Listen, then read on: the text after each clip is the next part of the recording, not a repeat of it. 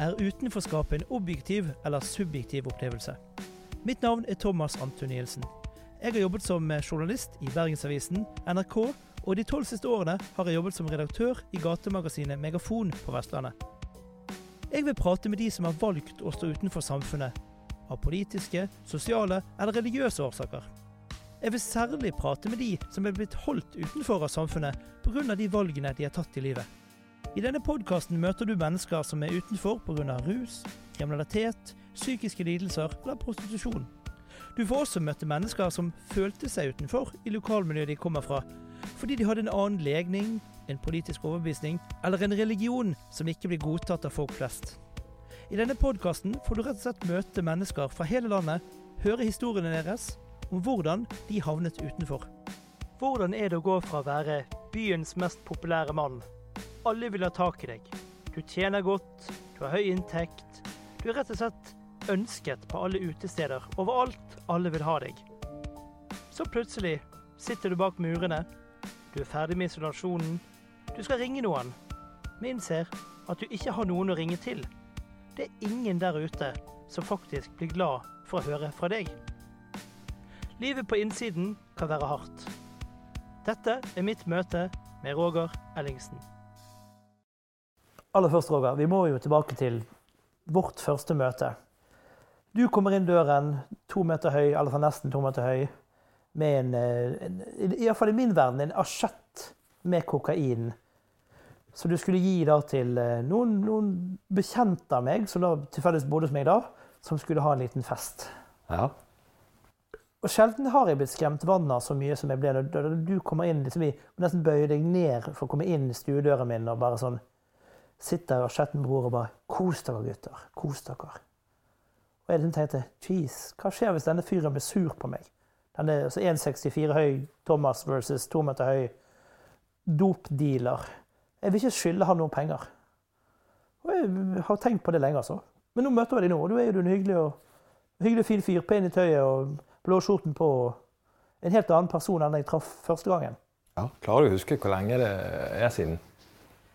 Ja, så Det er vel gode over ti år siden, i alle fall. Det var jo en periode før Megafon, det vil si at det er i hvert fall 13 år siden. Ja, Minst. Ja, Så jeg vil tippe kanskje 15-16, om ikke enda mer. Jeg tror jeg jobbet i BA da, på den tiden og styrte på med Last Weekend og den type. Så det må være kanskje 15 år siden i alle fall. Ja, jeg tror du har rett i det. Nei, den tiden der um, Da var jo jobben min å, å, å selge stoff. Uh, var jo narkolanger av yrke. Og uh, det er riktig som du sier, at når folk uh, skulle ha seg en fest, så var det meg de ville ha tak i. da. Akkurat dette med en asjett og, og, detaljene rundt det, det kan jeg ikke huske. Jeg tror du husker det bedre enn meg. Ja, ja for, for, deg var det en vanlig dag på jobben. Ja. Men du gikk ut på kjøkkenet, du tok fram posen. og liksom, Jeg tror du veide opp også. Liksom, gjorde, sånn, de fikk akkurat det de bestilte. Det, ja, det tror jeg nok. Regner, ja, for jeg regner med at dette her går i program. Sant? Du, jeg tror, mener også du spurte om jeg hadde en sånn kjøkkenvekt du kunne veie. og Så veide du opp, og så fikk du en sånn svær rull med penger tilbake igjen. Og, ja, ja. Ja, Det høres riktig ut. Ja, Men for deg var det en vanlig dag på jobben. For meg var det bare sånn wow naive lille gutten møter virkeligheten. ja. Nei, det er sant som du sier, at det var en vanlig dag på jobben. Og sånn var jo livet før. Så uh, jeg var jo ikke en sånn uh, skal vi si, kriminell som prøvde å leve et uh, dobbeltliv. Sant? At jeg hadde kjerring og unger og, og, vanlig liv på dagen, og så snek jeg meg ut og gjorde krim på kveldene. Da. For meg var det nå sånn livet var. og ja, dette høres ut som en typisk dag på jobben. Men du var jo god på det, da. Du var jo flink. Ja, jeg var jo det. Uh, på den tiden der så så jeg nå på meg sjøl som en relativt uh, vellykket og flink kriminell. Det var jo ikke særlig vanskelig arbeid, da. Det skal det sies. Ja, det var jo egentlig unngå å bli tatt. Det er vel den vanskeligste delen av jobben? ikke det da? Ja, så det har, så har jo selvfølgelig et element av kundebehandling og det å gjøre folk fornøyd. da. Så du skal jo ha litt grann people skills. Men så lenge du er punktlig og ikke roter for mye, så er det vel et enkelt yrke. Men hva gjorde du da når, når kunder ikke kunne betale? Fikk de da se en annen eh, del av Rogers eh, kundebehandlingsregime? ja, så klart. Du er jo nødt til å være sånn som det er forventet av deg at du skal være. Og Hvis du velger dette som yrke og, og, og som fag, da, så er du jo nødt til å stramme opp folk som ikke betaler. Jeg um, tror vel faktisk den, den første ordentlige dommen jeg, jeg fikk, eh, var jo for eh, torpedovirksomhet eller pengeinnkreving. Da. Og da var det jo i forbindelse med noen narkopenger som ikke var blitt betalt. Men klart at jeg hadde jo ikke noe glede av det. Hva gjorde du? Gikk du inn sånn klassisk inn med balltre, slo balltre i bordet og sa nå Nei, altså, Nå, Ronny, har du pung ut, eller så ryker kneskålene? Man prøver jo, man prøver jo å, å, å løse det ved å, å, skremme vedkommende eller snakke vedkommende til fornuft først. Så det er jo klart at Hvis Ronny skylder penger, og du slår han helseløs, så blir han jo ikke i noe særlig god eh, form av det. Og Da blir det jo vanskeligere å skaffe pengene. Men klart det er jo en grense der, da. Ja, og så er det også et problem for deg. Jo mer du banker opp kundene dine, jo, da kommer ikke kundene tilbake igjen for å kjøpe deg igjen, som gjør at du får mindre kunder. Ja, Riktig. Sant? Så det er å finne en balanse der. Sant? Det er jo klart at Hvis du er for uh, voldsom, det er jo ingen som vil ha noe med deg å gjøre. Er du for slapp og lar folk stjele fra deg, så sender jo du et signal om at her er det fritt fram. sant? Ja, og de over deg skal jo ha penger også. Så... Riktig. Så da kan jo alle stjele fra deg. Så det er jo litt som at hvis du er ny på en, en skole, da, første dagen på skolen, og noen prøver å tyne deg for lunsjpengene dine, så blir du nødt til å sitte et eksempel. ikke sant? Ellers så kommer jo alle til å ta lunsjpengene dine hver dag resten av tiden på den skolen. Hva, hva var det verste du gjorde? Kan du si noe om det? Altså, hva, hva var liksom det? Hvor langt gikk man for å sette et eksempel for å fortelle at her, men ikke lenger? Altså, det, var, det mest effektive var jo å prøve å skremme folk da, til å betale. For som sagt, hvis du banket noen opp eller sendte de på sykehuset, så uh, var jo ikke de i, verken i form eller i stand til å skaffe pengene. Så det er jo dårlig butikk igjen. Men jeg tror nok det verste jeg har gjort, uh, har jo vært å skremme folk så uh, Altså skremt folk så mye at de sikkert bærer preg av det den dag i dag. Skremt livet av folk, rett og slett. Ja. ja. ja så jeg ble jo skremt av deg. Du gjorde aldri noe med meg. Men da du kom inn andre gangen, og jeg så at asjetten forsvant fort og jeg tenkte Jesus, den pengebunken de hadde sist gang, de har ikke den igjen. Ja. Heldigvis var det to der, og de hadde hver sin bunke, så det gikk greit. ja. Men jeg, jeg, så jo for meg TV-en min ryke, og PlayStation ryke, og det meste ryke. Og, og, når du bor da i etasjen under dine foreldre, som, som er jo da som sånn naiv liten gutt jeg var, så så jeg for meg at hvis du begynte å lage kvalm der oppe, og mine foreldre bodde rett over, så hadde dette blitt uh, litt ganske spennende for meg, da. Ja, ja. Nei, jeg tror at um, mye, mye, var jo løst ved å ikke gi kreditt. Iallfall ikke gi kreditt i et sånt omfang at det ble store problemer med det. Men klart at uh, der er jo alltid noen som har en dårlig dag og mangler penger og får kreditt, og så betaler de ikke da, i ettertid. Men um, jeg tror ja, det verste jeg har gjort med folk, har jo vært å skremme dem slik at de uh, har uh, hatt ja, sikkert problemer med å gå ut når det er mørkt i lang tid etterpå. Har du møtt noen av de i ettertid? Ja, det har jeg. Og eh, nå lever jeg jo et annet liv i dag, det skal jo sies det, da. Eh, men det hender jo at jeg ser folk gjerne at jeg går på gaten, eller at jeg treffer folk i en eller annen sammenheng. Og at jeg ser igjen gjerne en som jeg ikke har sett siden den gang. Sant? Og han eh, eller hun, da, kobler jo meg med det jeg drev med før.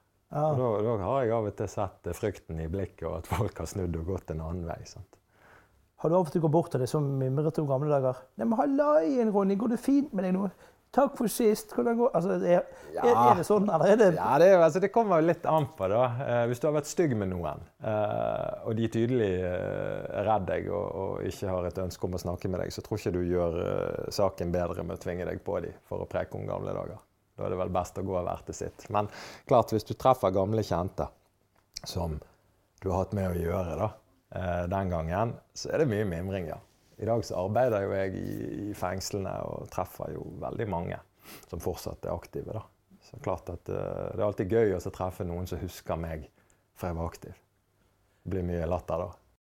Det, det en, det da er det én myte jeg må bare ha avklart. med synet på latter. Er det alltid sånn at du får første dose gratis? Eller er det bare en myte? Her er første det kommer, dosen helt, det kommer helt an på hvem du har med å gjøre, da. Men det er jo um... Var du en sånn som på en måte delte ut små smaksprøver, og så Ja, ja, ja. Ja da. Det er jo klart. Eh, hvis du har noe du har lyst til å, å, lure på folk, så lurt å gi bort litt gratis i starten. Hvor mye kunne du tjene da på en dag, når du var på ditt beste? Når du var på det beste, beste ja. eller det verste? Ja, det kommer litt an på, uh, kommer litt an på uh, hva nivå man er på. Altså, hvis du selger større eh, mengder og større kvantum, så tjener jo du òg mye mindre. Så det du tjener mest på i forhold til å lange stoff, det er jo gjerne å selge uh, kokain til folk som skal på byen, og, og, og i den type kvantum. Da, da tjener du jo best. Et par gram i liten ja, klipspose på innerlommen til Riktig. Sant? At uh, folk som skal feste eller kjøpe inn til en fest, og sånne ting, så kan du jo tjene relativt greit på å selge i mindre kvantum. Sant? Disse prisene som politiet da, uh, legger til grunn i disse store rettssakene, du ser Cappelen stå tiltalt og har smuglet flere tonn. Du vet, Han har ikke solgt kvarte gram på Bømlo. Han har solgt uh, kilovis og titalls kilovis, og har jo sett et helt annet skal vi si, en helt annen profitt da, enn de som selger i det små. Så, ja. Men disse her eh, pappaguttene som skal på byen på, eh, og trenger litt eh, Hva skal vi kalle det for Ja, litt god selvtillit i nesen. Ja. Sant? De vet jo ikke prisen heller, så det er mye lettere å si 400 kroner til de, mens du egentlig ville fått 300 hos en som er mer rutinert i faget. Ja, altså du kan si sånn at jeg, jeg tjente gode penger på å kjøpe for en krone og så selge for to. Sant? At man doblet det man selv hadde lagt i bordet da, for å kjøpe inn. Men seinere, når jeg oppdaget å å eh, kjøpe større eller ordne ting sjøl, slik at jeg slapp å gå via en mellommann, så kuttet jeg jo gjerne et ledd på profitten. Og da var det jo gjerne snakk om å kanskje kjøpe for 50 øre og selge for to, eller kjøpe for 30 øre og selge for to. Da ble jo profitten større. Ja, For hvor mange ledd er det? Altså for Du hører alltid om bakmenn og de som frakter. og de, Hvor mange ledd har du opplevd å jobbe med? Nei, Til å begynne med så kjøpte jeg jo av andre. Jeg begynte som ungdom å, å selge stoff. Og, og, da var det jo relativt uh, uskyldig. Og så fikk jeg bedre uh, kontakter da, og ble kjent med flere skal vi si, grossister. Ja, ja. ja. Og uh, det er nå gjerne vanlig at det er noen som tar det inn og så selger i større kvantum. Det blir jo litt som Cappelen, da, så alle vet hvem er. og så har du gjerne mellommenn da, som selger videre i mindre kvantum. Og så har du langerne som selger i små kvantum. da. Så iallfall en tre ledd eh, minimum. da. Nesten som Rema 1000. Du har innkjøperne som kjøper inn fra ulike grossister, som igjen havner på et sentrallager, som igjen går ut til butikken igjen. Ja, prinsippet er jo akkurat det samme. Så du var på en måte en Rema 1000-butikk, bare innenfor dop? Ja, det kan du godt si. Ja. ja. Litt rar sammenligning, men, men, for å sette litt ord på det. Ja. Men hvordan var, ble du en god Rema 1000-landhandler eller kremmer, da? Altså for meg så handlet det om, om, uh, om, flere ting. Når jeg var ungdom og, og vokste opp da, uh, på den tiden, så, så, hadde jeg ingenting. Uh, ikke, ikke, fikk jeg noe. og ikke hadde jeg samme muligheter hjemme da, som andre på min alder. Så jeg hadde ikke foreldre. Jeg bodde i fosterhjem, bodde hos mine besteforeldre og sånn. Så det var ikke snakk om å få levisbukser. og og den type ting som ungdommene ville ha. Sant? Så jeg eh, oppdaget jo kjapt at eh, hvis jeg kunne skape penger, da, eh, selge stoff eller andre ting, eh, så kunne jeg ordne meg penger sjøl til det jeg hadde lyst på. Ganske kjapt så oppdaget jeg jo parallelt med det at eh, jeg fikk jo en identitet som kom sammen med det. Eh, og det likte jeg egentlig bedre enn pengene. da. At jeg var populær, folk ville ha tak i meg. og, og om ikke de ville ha tak i meg for å, å, være med meg, så ville jo de ha tak i meg allikevel. Og den følelsen var god. Ja, det å være innafor. Ja, ja. ja, ja. For når du kommer fra en utenfortilværelse der du ikke har røtter, så er jo det kjekt å være innafor. Ja, det var stas, det. Og jeg tror alle ungdommer um, har jo et ønske om å være populær. Altså, De aller fleste ønsker jo å, å, å være pop. sant? Og, um, og, det der oppdaget jeg kjapt, at det var greit med pengene, men det var stas med den identiteten, altså den bekreftelsen som kom sammen med det. Det er jo litt samme i dag med sosiale medier, der unge ligger ut gjerne mer og mer og mer utfordrende bilder. For de gir jo de en popularitet. popularitet ja, oppmerksomhet. Ja. Sosial kapital, egentlig, kan man kanskje si. Ja. Og du hadde jo din sosiale kapital i at du var eh, festens midtpunkt. Ja, om ikke, om ikke, festens midtpunkt, så ble det ikke fest uten deg. Nei. Uh, og det gjør deg jo til en sentral person i, i planlegging av fest. sant? Ja. Jeg likte veldig godt det der med at uh, folk ville ha tak i meg. da. Det føltes bra. Men, det var jo, men du, tenkte du at de ville ha meg pga. dopen? Altså, jeg var litt for ung til å reflektere over det den gangen. da. Men altså, min følelse var jo det at folk ville ha tak i meg, folk spurte etter meg. eh, den tiden vi begynte å få mobiltelefoner. Sant? Dette er jo lenge siden. Så ville folk ha nummeret mitt. Altså, det var en, en, en, stor kontrast til det å, å bare være et anonymt uh, fjes i, i mengden. Da. Følelsen av å være uh, ja, rett og slett populær. Ja, jeg husker den gangen med, med disse uh, beeperne, hva heter det, personsøkerne. Ja. Og så hadde man sånne små koder man kunne skrive for ulike typer rusmidler. Så du fikk en, en firesifret kode, så å ja, det var, det var, det han ville ha i dag også. Ja, visst, ja. Så det var litt artig. Husker du igjen noen av de kodene? Nei, jeg gjør ikke det. Uh, gikk veldig fort over til å forstå at uh, slikt ble avlyttet, da, eller kunne bli avlyttet. Så skjønte vel det relativt tidlig at det var lurt å, å bare avtale og, og møtes. Mm. Og så forsto jeg jo det. Sant? For så mange bekjente som jeg hadde, uh, som jeg ikke pleide å være med. Det var klart at Hvis det ringte en og sa du, kan, jeg, kan vi treffes, sant? jeg skjønte jo hva han ville. Vi pleide jo ikke å henge sammen på fritiden. Så, ja. Eh, så noen koder eh, på personsøker Nei, det har jeg ikke gjort. Kun film? Ja, det er vel The Wire de holdt på med det der. Nei, det har jeg ikke gjort. Ikke koder på personsøker. Men mobiltelefoner og forskjellige måter å avtale og treffes på, det var det. Ja, for du, ser, du, du dro jo Cappell-referansene. Det var jo mye, det er mye koder der også på mobilen. At nå er det solskinn ute. Ja, ja, ja. Solen skinner. Han og Jensen.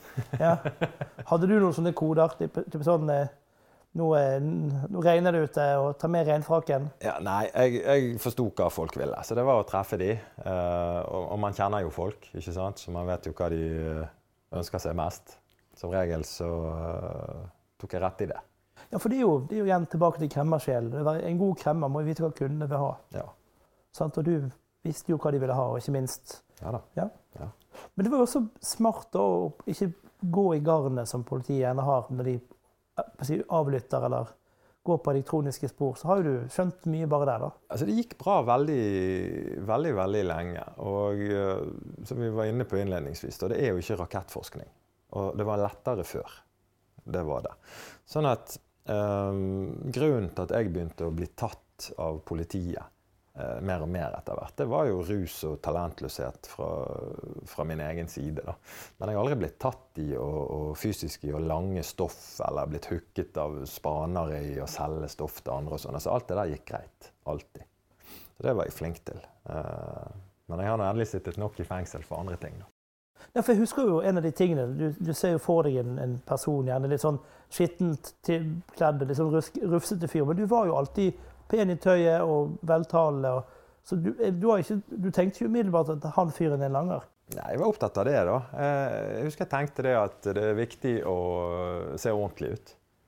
Eh, du vet, du kan jo, Hvis du skal leke gjemsel med politiet, da, så finnes det jo mange måter å, å tiltrekke seg oppmerksomhet på. Og jeg tenkte jo som så at Hvis jeg har lyst til å, å, holde på med dette her og ikke bli tatt, så er det greit å prøve å gjøre lite ut av seg. da. Det var jeg flink til en stund, og så begynte jeg å gjøre mye ut av meg. Ja. Så var det jo òg slutt på den tiden da jeg ikke ble tatt. Ja. ja, for jeg husker jeg gjorde et intervju en gang med en, en kar som, som, faktisk har vært gangster. Mm. Da var regel nummer én vi går alltid si, antrukket pent. Ja, fint, det skal, ingen, ingen, skal ikke være noen synlige tatoveringer, ingenting. Mm. Vi skal se ut som vi jobber i DNB, og vi skal bare gli inn i mengden. Ja, ja. Det var regel nummer én. Jeg er jo en av de få sant, som ikke er full i, i tatoveringer. Ja, for du sitter pen i bladskjorten nå, men det eneste er jo sånn gullkjede. da, det sånn klassiske gullkjede, så det er det gøy. Sånn tjukk gullkjede. Det er vel eneste. Ja, ja, fortsatt. Det er det eneste sånn jeg, eh, jeg vokste opp på en tid der um, uh, det vi drømte om, var uh, gullkjede og BMW. Altså Hvis vi fikk oss en, en, en, BMW, en feit bil og et gullkjede, da var mye gjort. Da var livet komplett? Ja, det var drømmen. Ja. Det var det jeg hadde lyst på. Og, og det fikk jeg. Og det der har nå sittet i siden. Så lenge etter jeg ble rederlig, så uh, har jeg fortsatt vært den samme gutten. Og fortsatt likt BMW-er og gullkjeder. Du har gullkjede, men har du BMW? Nei, nå har jeg gitt meg med det. Jeg har hatt, jeg har hatt en del BMW-er, og eh, nå kvittet jeg meg med den siste for et år siden. Så nå er jeg eh, blitt fornuftig. Jeg har heist det grønne flagget og har en Volkswagen hybrid. Ja ja, men det, jo, det er velkommen i klubben. Jo, takk Så for det. du blir mer meg, du, egentlig? Altså, Forandringen har jo vært stor, da. Det, det er jo klart. Jeg la opp som, eh, la opp som kriminell for elleve år siden. Og jeg har vært streit i elleve år. Og uh, jeg var 27 da, og jeg er 37 nå. Så uh, ja. Jeg har hatt meg en lang periode der jeg har uh, gjort det motsatte. I dag så lever jeg jo òg et helt annet liv. La oss gå tilbake da, elleve år i tid. Hvordan var det, ble det vendepunktet? Hva var det som trigget deg til å si at nå, nå ligger jeg eh, dette livet på hyllen, nå er det nok? Det var, altså, jeg har hatt det mye dårlig, da. Det skal nå sies. sant? Og det er jeg opptatt av når folk spør om fortiden. Det er jo at jeg kan, jeg kan fortelle om alt som gikk bra Jeg kan fortelle om hvordan det var å være konge på byen og, og ha uh, suksess, gjøre krim og, og, ikke sant? og alle de tingene som gikk bra. Og det kan jo få hvem som helst til å få lyst til å, å begynne. Men sannheten er jo det at det var mye rus og talentløshet og elendighet òg, og jeg hadde det mye dårlig. Det er f.eks. ikke særlig stas å sitte i fengsel, og det er heller ikke særlig stas å bli narkoman. Så eh, de tingene der trakk jo ned helhetsinntrykket ganske kraftig etter hvert. Jeg, jeg, slapp ut av eh, fengsel, begynte på bar bakehjerne, og så fikk jeg bygget meg opp igjen eh, til å gjøre ny krim og, og nye stunt. Og så ble jeg arrestert og satt i fengsel igjen. Og de første årene så var det lite fengsel, men de siste årene så gikk det slag i slag. Hadde jeg mange saker hos politiet og måtte kanskje i fengsel igjen og sone for noe som jeg hadde gjort tilbake i tid for forrige soning. Så ting kom helt ut av kontroll i forhold til dette med å ha eh, saker i systemet. Og det gjorde jo òg at livet ble skikkelig dårlig. Jeg, um, siste gangen så røk jeg inn i en relativt uh, stor sak. Altså Den gangen så var det norgeshistoriens største sak av sitt slag. Da. Jeg ble hooket inn i forbindelse med uh, arrestasjon av masse folk. De tok et helt nettverk over hele landet. Og jeg ble tatt inn i, i samme sak som de. Da. Og da ble jeg sittende lenge i varetekt. Det var varetekt av den vonde sorten, altså med full isolasjon og, og både mot andre fanger og, og, besøksforbud og full pakke. Så det var ganske tøft. da. Satt jeg i uh, mange måneder slik. Uh, og jeg husker jeg tenkte som så på isolatet at jeg gledet meg til å, treffe folk igjen. Uh, jeg gledet meg til å få bruke telefonen igjen. Og når jeg endelig fikk bruke telefonen etter, etter, mange måneder uh, der, så uh, var det min tur. Jeg hadde gledet meg til det. Gikk til telefonkiosken i fengselet. Da får du gjerne 15 minutter, så er det en ringetid. da, så kan, du, så kan, du, ringe fra en sånn kiosk. Og Så løfter jeg av røret, og så går det opp for meg at uh, Hvem skal du ringe til? Og så, Hvem skal du ringe til nå som blir glad for å høre fra deg? Og det var Altså Det var bunnen for meg. Og Da hadde jeg stelt meg så dårlig at uh, familie og venner og alt har tatt avstand. Uh, og jeg kom på det at uh, det er mange jeg kunne ringt til, men det er ingen som kommer til å bli glad for å høre fra meg nå. Altså Hva skal jeg si? Jeg sitter i fengsel for femte, sjette gang. Så da hang jeg røret tilbake igjen på plass og tenkte at nå har du faen meg nådd bunnen. Altså brent alle broer, alle relasjoner. Det var ingenting igjen. Hadde ikke peiling på hvor lenge jeg skulle sitte i fengsel. Eh, kunne få ti år, kunne få tre år. altså Det, det hang i det blå. da. Det var en guffen følelse òg. Ikke vite om uh, skulle ut igjen eller ikke. Så det var Ja, det var et stort nederlag, da. Og da skjønte jeg òg det at nå må jeg uh, forandre meg hvis jeg skal få et godt liv. Eh, så må jeg endre på en del ting. Ikke bare en del ting, jeg må endre på alt. Ja. Så Det var vendepunktet for meg. da. Det er mange som tror at uh, bunnen var nådd når jeg var på det verste, men da var jeg altfor uh, alt borte vekk til å reflektere noe særlig over det. Bunnen var nådd i ettertid, når jeg var blitt edru og klar og kunne faktisk se uh, hvor elendig livet mitt var blitt. Du var utenfor? Ja, ja, helt. Altså, du var, ut, du var jo på en måte utenfor familie og venner? Du var Ja, ja. Det var ingenting igjen. Hadde, da hadde jeg stelt meg så dårlig. Altså, jeg, da hadde jeg levd et liv som var så vilt og uansvarlig at alle andre tok avstand fra det. Altså, det, ble helt, uh, det ble helt feil for vanlige folk, og det var jo de tydelige på òg. Jeg har ikke hatt noen tradisjonell familie, men litt har jeg jo hatt. Og de har gått gjennom uh, mye, og de var jo òg lei. Altså forbi lei. Drittlei. Jeg har lovet bot og bedring før, jeg har sittet i fengsel før, og de har stilt opp for meg og latt meg få sjanse på sjanse. Og uh, jeg forspilte jo alle sjanser som jeg fikk, og siste gangen så tenkte jeg nå er det ikke vits i å eh, verken ta kontakt eller komme med noen beklagelser eller unnskyldninger. da. For det, det har de hørt noe av før. Men hvordan bygger man seg opp da? Når man har hatt, som sier, vært kongen på haugen, du har hatt strøm av kontanter og sikkert strøm av, av mennesker som vil ha deg, Ja, ja. og nå sitter du der mutters alene. Det er bare deg. Din beste venn er kanskje kontaktbetjenten i Bergen fengsel. Ja. Det er den på en måte beste vennen du har, egentlig igjen. Det, det, det, var, det var tøft, altså. Det, så handler det jo om å, å Det handler om aksept. da. Jeg måtte, jeg måtte klare sjøl å akseptere at storhetstiden var over. Altså at velmaktsdagene var vel forbi. Og klart at uh, man er ikke en vellykket kriminell når man sitter i fengsel for femte gang. Altså det, da, da er den tiden forbi der du hadde suksess med krim. Det vil jeg nå si. Så vellykkede kriminelle de er ute og gjør krim. De sitter ikke inne hele tiden. Så det var uh, nederlag, selvfølgelig, og så måtte jeg ta det inn over meg. Sant? Akseptere det at nå er du ikke lenger flink i jobben din. Du er blitt både talentløs og, og ja, ubrukelig til dette. Du må bytte fag. bytte yrke og bytte fag. Så det var mange, Jeg gikk jo mange runder med meg sjøl, men det er én ting du får anledning til i fengsel, så er det jo å tenke. sant? Å kjøre hodet ditt og, og putte bitene på plass igjen. Så um, det hjalp godt på at jeg var blitt uh, rusfri, selvfølgelig. For jeg hadde ikke levd et edruelig liv. Og uh, klart at når jeg ble rusfri, så kom jo også fornuften og forstanden tilbake. da. Og det hjalp meg jo til å, å forstå at uh, hvis jeg ønsker endring, uh, ha det bedre, så må jeg endre på en hel masse med ting. Det er én ting jeg har lyst til å ta tak i. for det, Veldig mange har jo en oppfatning om hva det er å være i fengsel. Man hører jo stadig at ja, de har det så fint, de får god mat, og det er så flott. Og... Men fengsel er jo ikke det fysiske. Fengsel er jo det psykiske. Ja, ja. Så hvordan var det å være i fengsel psykisk? Altså det, jeg har sittet i fengsel flere ganger. Da. Jeg har prøvd fengsler med høy sikkerhet, jeg har prøvd fengsler med lav sikkerhet. Jeg har sittet på åpen soning, og jeg har sittet på, ja, på isolat, på tvang. Da. Så jeg har prøvd uh, litt forskjellig. De første soningene så uh, gikk det ikke særlig innover meg. Jeg lærte heller ingenting av det. Det var først siste gangen at jeg uh, tok det innover meg. Da. At jeg kjente på dette med med frihetsberøvelse på den måten. Så øh, du sitter jo øh, borte. Du er vekk fra alt og alle. Du har ikke telefon, du har ikke internett, og du har jo ikke kontakt med noen. Så det er klart at du føler deg jo utenfor.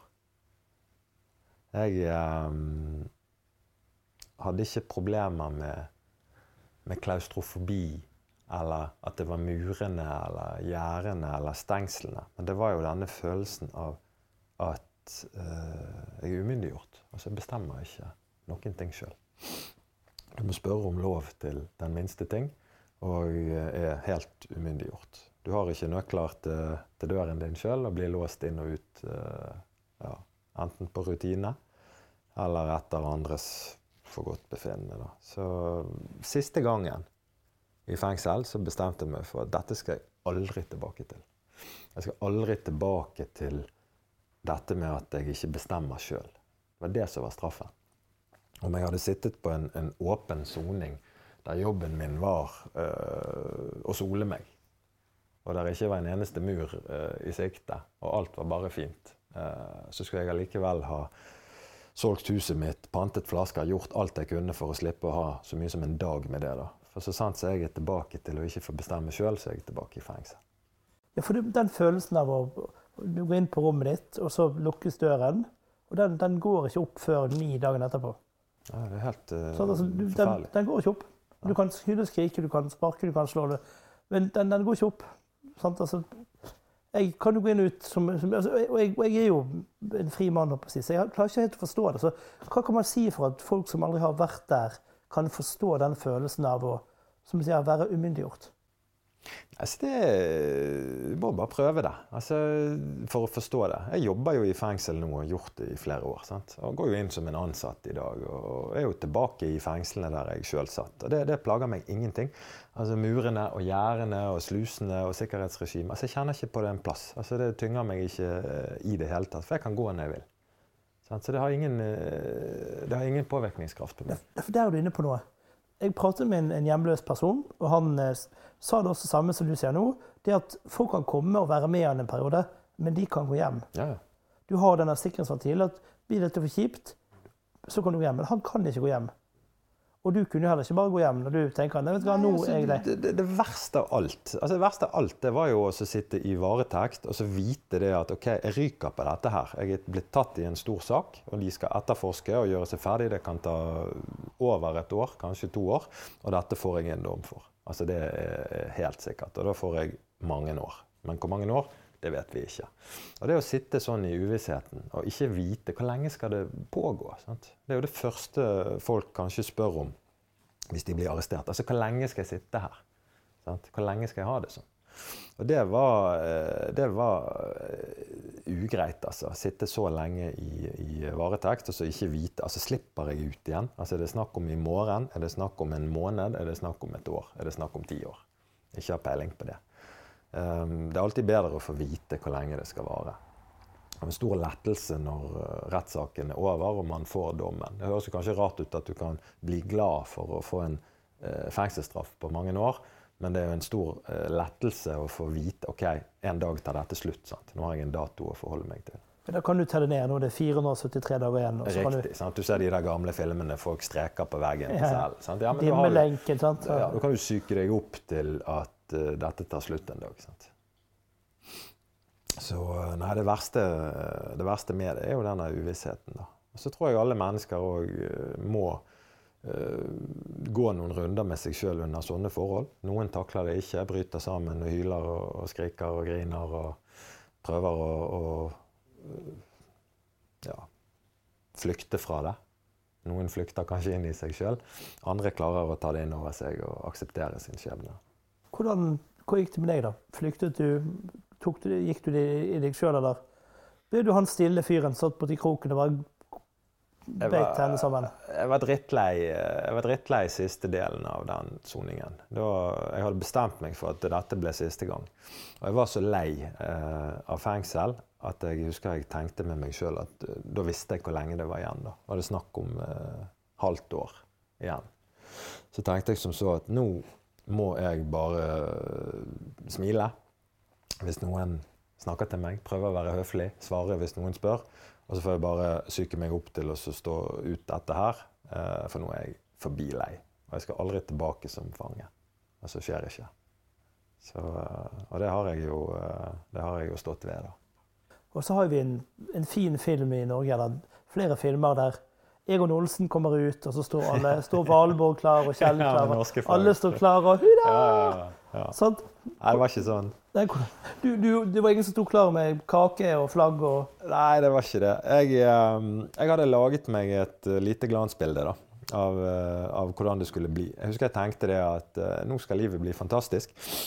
Jeg er ferdig med rus, jeg er ferdig med kriminalitet. Jeg skal leve et vanlig liv. Jeg skal være fornøyd med det som vanlige folk har. Og, og det var planen. I fengselet så var det sosialt og, og, og greit. Altså. Jeg satt på en åpen avdeling den siste tiden av soningen. Hadde folk rundt meg, var vant til å omgås andre. Um, så kom dagen for løslatelse, og det var jo selvfølgelig en regnværsdag. Uh, det var ingen som sto utenfor med norske flagg og ventet utenfor porten. Og det var heller ingen som var glad for å se meg, da. Eh, I den forstand at det norske samfunnet sto og, og hoppet av, av glede. Endelig igjen han tilbake. Ja, ja, nei, jeg var jo bare nok en, en løslatt taper sant, som skulle ut og prøve å finne meg et sted å bo og finne meg en jobb. La meg gjette, på en fredag. Sånn, Ja, akkurat en time før Nav-kontoret stenger. Ja, selvfølgelig. Og, og selvfølgelig så fikk jeg jo heller ikke hjelp av Nav. Jeg hadde fått eh, lovnad om at eh, jeg skulle få hjelp til å finne bolig, da. Og eh, jeg vet ikke om det het Nav den gangen, men i alle fall. Det var A-etat, tror jeg. Også. Ja, det var gjerne- Boligkontoret, A-etat. Ja, for det var samme greien. Og, og, og jeg var jo helt avhengig av det. Jeg hadde jo bestemt meg for å slutte med kriminalitet. Sant? Så jeg hadde jo ikke muligheten for å kunne finansiere ting på ulovlig vis. Og blakk var jeg jo selvfølgelig, etter å ha sittet så lenge. Så ja, ut på en eh, fredag. Og, og fikk snakket med, med saksbehandleren på telefonen der og måtte bare beklage, men det var skjedd en feil og kunne ikke få bolig eller hjelp til det allikevel. Og dessverre var det helg og måtte jo bare snakkes over helgen. da. Så der står man, da. Jeg tror jeg, eh, jeg mener jeg husker jeg sto der med trekroneren, pølseboden, eh, og snakket i telefonen og fikk den beskjeden. da. Og det plaskregnet, og, og livet var ikke greit. Så jeg forstår at mange gir opp. Ja, du blir jo Du føler jo ikke det akkurat som OK, hvorfor skal jeg tilbake til dette? Sånn, Hvorfor, hvorfor, altså, det er jo veldig mange som har sagt at OK, samfunnet vil ikke ha meg tilbake. Så hvorfor skal jeg da streve så hardt etter å komme tilbake til noen som ikke vil ha meg? Ja, ja, det er sant, det. Nei, jeg, eh, heldigvis da, så er jeg bestemt. Og hvis jeg først har bestemt meg for noe, så, så er jeg sterk i, i troen på det. Og det var jo det som reddet meg eh, ved løslatelse, da, at jeg var standhaftig sant? og ikke bare ga opp. Så, men klart at dette som vi snakket om i sted, det der med å ikke skulle tilbake eh, til fengsel, ikke skulle inn igjen som fange Jeg hadde jo lang resttid. sant? Jeg var jo skarp nok til å forstå at hvis jeg gjorde mer kriminalitet nå, så ble det mer fengsel. Både resttid på den lange dommen og nye saker og forhold. Så det var ikke noe alternativ. Ja, for resttid er vel at du får to tredjedeler sone, ja. så får du resten slettet etter en periode hvis du, hvis du ikke gjør noe dumt. Gjør et, eh, et lettfattelig eksempel. Altså, hvis du får en fengselsstraff på tre år, ubetinget fengsel, sant? så soner du som regel på god oppførsel to tredjedeler. Så etter to år blir du løslatt på prøve. Og da har du ett år i resttid. Og det året bør du leve som en prest. Uh, og ikke gå på rød mann engang. For klart at uh, Blir du tatt av politiet i å gjøre ny kriminalitet, og særlig hvis det er kriminalitet som er av samme type som det du gjorde sist, så kommer du inn igjen og må sone ferdig resttiden. Sant? Jeg, uh, jeg var nå så heldig at jeg hadde en kjæreste. Jeg hadde truffet en, en dame da, siste tiden, og jeg fikk lov å bo hos henne. Og uh, var òg heldig og, og, fikk meg en jobb. Uh, klarte å holde på en jobb og satte jobben først, så det var viktig for meg. Så ja, sakte, men sikkert da så fikk jeg noe stell på livet igjen. Hadde stor inndragningsgjeld til det offentlige, så det hang jo ved meg. Og måtte jobbe enormt mye og betale veldig mye ned på denne inndragningen. Da. Så det var jo som å bli løslatt med skjegget i postkassen og stor restskatt. Det er, jo, det er jo som å prøve å svømme med en, med en svær kjede rundt halsen med synkelodd. Ja, Det er få som klarer det. da. Det, det, ser vi jo i dag. at uh, Med så dårlig utgangspunkt så er det veldig mange som gir opp. Ja, for du har gjerne en million gjeld, bare for å ta et tall. Ja, og så skal, du, så skal, du, da på en måte få en jobb. Og hvem ansetter en person med, med den bakgrunnen? Og som i tillegg også kommer til å ha påleggstrekk herfra til Ville Olsen. sant? Heldigvis da så um Uh, og det er flere av de i dag, arbeidsgivere som tar samfunnsansvar. Uh, der, er, der, der, finnes flere i dag som er villige til å gi noen en sjanse. Men det er jo klart at når du har så dårlig CV som jeg hadde, så var det jo å si som sant var at jeg har sittet uh, lenge i fengsel. Jeg har nettopp kommet ut. Um, det er ikke første gangen. Jeg har rotet med, med rus og, og, kriminalitet i, i mange år. og laget et stort rot av livet mitt. Men nå er jeg ferdig med det. Um, helt ferdig. Tatt et oppgjør med, med det. Ferdig å sone og skal ikke tilbake. Så kan jeg få en sjanse. Og det er jo uh, historien du må, du må, komme med hvis du skal kunne få deg noen jobb. Man kan ikke lyve om det eller eh, holde det skjult. Eller, altså det, fortiden vil alltid komme tilbake og bite deg i, i ræven. Så jeg var åpen om det og, og var heldig. Traff en arbeidsgiver som uh, så stort på det og sa det at OK, du får en sjanse jobb en uke, så snakkes vi, og så ser vi hvordan dette går. Ble jeg der i seks år og ja, gjorde det bra. Så, men jeg var heldig, som sagt. Og det er veldig mange som uh, har uflaks. da. Ja. De er fort tilbake. Ja. Det er jo interessant å si. Det er jo, det er dumt at skal flaks skal ha så mye å si. Ja. Eh, jo, du vet jo hva jeg jobber med i dag, og, og grunnen til at uh, det har blitt mitt yrke og mitt fag, det er jo fordi at jeg ønsker å, å hjelpe flere til å lykkes. da. Altså på egen hånd. Uh, folk med såpass tung gjengangerproblematikk og, og, den type bakgrunn, så er det svært få som klarer det på egen hånd. Mm. Og med hjelp så er det langt flere som kan få det til. da. Du trenger bare noen som kan stake ut kursen når det stormer så verst. Ja, så Noen som har klart det før. Altså det, det, husker jeg jeg tenkte at når jeg, skulle, altså når jeg, skulle, begynne et nytt og bedre liv, så tenkte jeg hvordan gjør man det, da? Det er jo ikke noen bøker på biblioteket du kan eh, låne om temaet. sant? Det er ikke how to-videoer på YouTube. Vi hadde jo ikke YouTube den gangen. Og jeg kjente jo ingen som hadde klart det som jeg skulle prøve på. Så det er jo noe med å ha en kjent mann og, og kunne snakke med noen som har fått det til. da. Spørre. Eller mennesker som lever i det A4-samfunnet, som kan si at OK, slik går det på butikken, dette bør du ha i kjøleskapet, Ja. sånn betaler du regninger, sånn Dette gjør du for å holde det gående. Ja, det hadde hatt stor verdi for meg da, om jeg kunne fått snakke med noen som hadde klart det som jeg skulle prøve på. Sant? For de aller fleste vanlige folk de sier jo som oftest at er ikke det bare å skjerpe seg, da? Kan ikke du bare ta deg sammen? Og så tenker man gjerne at jo, jeg tar meg jo sammen alt jeg klarer her, men det er mange ting eh, som man ikke forstår seg på. Eh, og det samfunnet som vi har i dag, det går fort. Eh, Så folk forventer at du skal henge med, og at du skal kunne ting og produsere noe på jobben. og i det hele tatt. Da. For en som har brukt livet sitt på, på rus og, og krim, så er det ofte eh, det er en del sånne sosiale kodekser og, og, og ting som vanlige folk gjør, da, som man ikke har begrep på. Ikke, ikke får til. Har du eksempler på det? Det er jo litt spennende å vite. Hva er det, hva er det vi streitingene gjorde som du ikke hang med på, eller folk henger med på? Så det dette her med å ha jobb. Sant? Sitte jobben først. Altså forstå verdien av å, å ha et stykke arbeid. Ta vare på det. Det å klare å, å leve på lønnen sin. Være fornøyd med det man har. Eh, ikke leve over evne eller ha et overforbruk som ikke rimer med eh, inntektene i det hele tatt. Sant? Det å tenke konsekvenser av egne handlinger og, og forstå at hvis man bare handler på impuls hele tiden, da, så går det dårlig.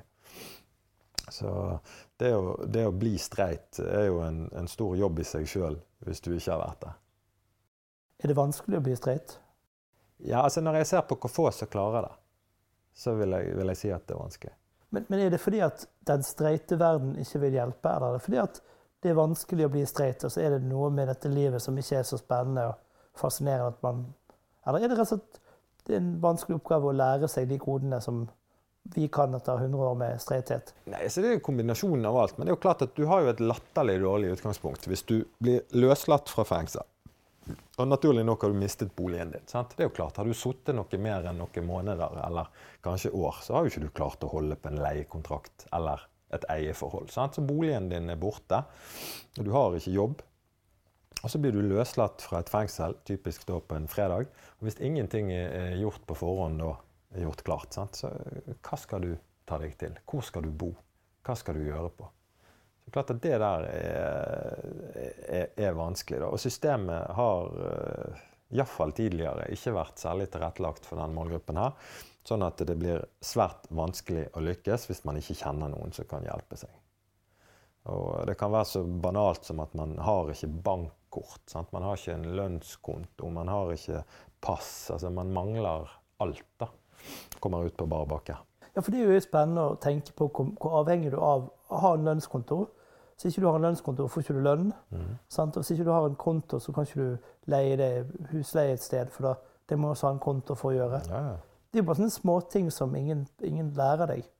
Og så er det jo òg noe med det der med at ærlighet varer lengst. Det gjør det. Men klart at når du er ærlig om disse tingene, da, og du sier det at 'jeg har nettopp sluppet ut av fengsel', 'jeg har ingen sted å bo', 'jeg har ingen jobb', eh, 'de siste ti årene av livet mitt har jeg bare brukt eh, på å gjøre feile valg', og 'jeg har i det hele tatt vært et dårlig menneske', så svært få som ønsker å, å gi deg en mulighet. Det er få som har lyst til å leie ut til deg, og det er få som har lyst til å ha deg i arbeid. Sant? Så det er klart at du tynges jo ytterligere ned av, av fortiden. da. Altså Fortiden er med deg eh, og gjør det vanskelig med en ny start. Det er få som klarer det. Bare helt sånn til slutt her nå, for det er jo Har du noen gang tenkt på hva, hvor hadde du vært om du ikke hadde tullet det til? Om du bare vært en god kremmer, en god entreprenør? Ikke don't get high on your own supply, det gode gamle uttrykket. Ja. Ikke bruk det ditt eget uh, varelager, men bare, rett og slett bare holdt din sti ren, lagt i skjul og bare vært en god entreprenør. Ja, Altså, det der blir jo å spekulere, da. Uh, men uh, jeg vet hvordan jeg er i dag. Og jeg får til alt som jeg prøver på. Og jeg tror jeg hadde gjort det hvis jeg hadde holdt min sti ren òg. Så hadde jeg fått til alt jeg hadde prøvd på. Men for meg så var det nødvendig å, å, leve dette livet, og det ble som det ble. Jeg vil ikke bytte med noen i dag. Jeg føler jo at jeg har hatt et fantastisk eh, rikt liv. da. Og oppturene og nedturene har vært eh, store. Og det gjør jo òg at jeg eh, har lært meg å sette pris på mange ting som andre gjerne syns er kjedelig i dag. Da. Så eh, jeg er tilfreds. Ja, for det er en ting du sier der, eh, som jeg hører fra veldig mange. det er jo det å være tilfreds med å ha et, sted å bo, ha en bil, ha litt penger på konto når, eh, når, neste lønn kommer. Ting som veldig mange tar for gitt. Altså, blir man rett og slett mer glad i de, de små tingene som veldig mange tar for gitt? Altså, jeg syns jo det er et helt fantastisk i dag å ha et vanlig liv, da. Og da mener jeg de, de trygge rammene som vanlige folk har. Sant? Så du sier å ha en egen bolig som er din. Ikke sant? Du mangler ingenting. Du har alt du trenger. Du har jobb, venner, familie. Alle disse tingene er på plass. Og, og, og det føles uh, fantastisk godt for meg, som har klart å rote bort dette her tidligere. Da. Så det er helt vidunderlig å ha det på plass igjen i dag. Klart, har du alltid hatt det, så vet du vel heller ikke å sette pris på det på samme måten.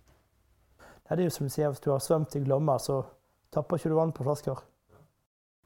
Ja, det er noe med det. Og jeg eh, trengte å, å, ta den helt ut. Jeg var ikke eh, en av de som skjønte poenget tidlig. Sant? Noen de gir seg når eh, kjæringen holder på å gå, eh, når familien har fått nok, når de holder på å miste jobben eller holder på å miste huset. Altså når, det, når konsekvensene begynner å komme, så er det jo veldig mange som tenker OK, nå må jeg skjerpe meg. Sant? Jeg var jo ikke en sånn type fyr i det hele tatt. Med meg så var det go big og go home, og jeg gikk ned med flagget til topps. Og det tror jeg var nødvendig. Det var en viktig lærdom eh, for meg. da. Men så tok du heldigvis med deg det, de gode egenskapene, altså det å bli flink på noe, det å klare ting. Tok med det verktøyet inn i det på en måte sivile, litt, litt gøye livet som vi innenfor folk lever. Ja, ja, ja. Altså, I dag så har jo jeg eh, Ja da, jeg har et vanlig liv, men jeg har det jo ikke kjedelig. Jeg er vel en av de som eh, aller minst uh, kjenner på kjedsomhet, eller at jeg har et eh, A4-liv som jeg er fanget i. da. Tvert imot. Jeg har verdens kuleste jobb og, og, gjør jo masse. Masse gøy hele tiden. Jeg er så heldig òg at jeg kan ha det gøy i jobben. Så, uh, men det jeg mener med A4, da, altså, det er jo det der trygge. sant? Altså Vite det at du har et sted å bo hvis du ser blålysene i speilet når du kjører bil bak deg, så vet du at det er ikke deg politiet skal stoppe. Sant? Du slipper de bare forbi. De er på vei et annet sted. Og det å ha den roen da, i hverdagen og ikke slippe altså du, du, trenger ikke se deg over skulderen eller være redd for å bli kastet i fengsel. Det eh, har stor verdi, da. Og for de som aldri har prøvd noe annet, så tror ikke de ser verdien i å ha et stabilt og, og vanlig liv. Men for meg så er det gull. Hvis jeg kunne teleportert deg tilbake til eh, Roger 13, ja. hva hadde du sagt til han da?